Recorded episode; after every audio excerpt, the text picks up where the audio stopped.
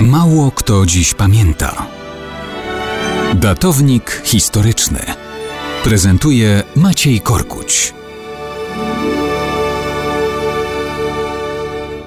Mało kto dziś pamięta, że 8 lutego 1867 roku Węgrzy przeżyli cud. Oto cesarstwo austriackie, przeciw któremu tyle razy walczyli, tyle razy rozniecali płomień narodowo-wyzwoleńczego buntu, podarowało im wolne państwo.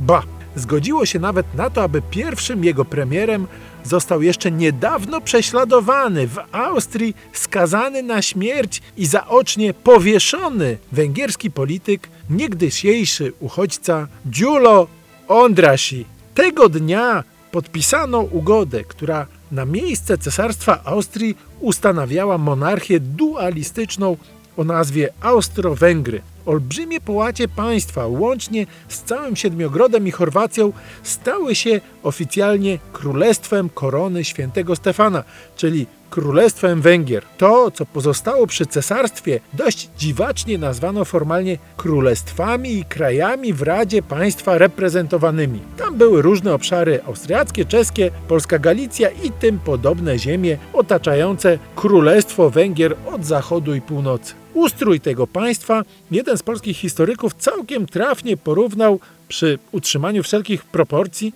do Rzeczpospolitej obojga narodów. Oczywiście oficjalnie wtedy tego przykładu nikt nie przywoływał, bo trudno na ustrojowym starcie stawiać za wzór państwo, które kilkadziesiąt lat wcześniej z mapy właśnie zniknęło. Wspólne dla obydwu części monarchii miały być sprawy zagraniczne, trzon sił zbrojnych i cały system skarbowy. Natomiast pozostałe dziedziny funkcjonowały odrębnie w cesarstwie i królestwie.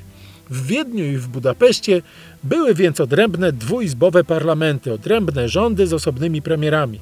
Również wojska, nazwijmy to obrony terytorialnej, były oddzielne. Dla Węgier rozpoczął się czas fantastycznego rozkwitu we wspólnym państwie, czas dumy i potęgi, który z rozrzewnieniem wspominany jest do dzisiaj. Wydawało się, że najgorsze Węgrzy mają za sobą, a efekty tego cudu trwać będą wieki. No niestety, cały ten eksperyment żył krócej zdecydowanie niż Rzeczpospolita obojga narodów. Austro-Węgry bowiem istniały zaledwie 51 lat.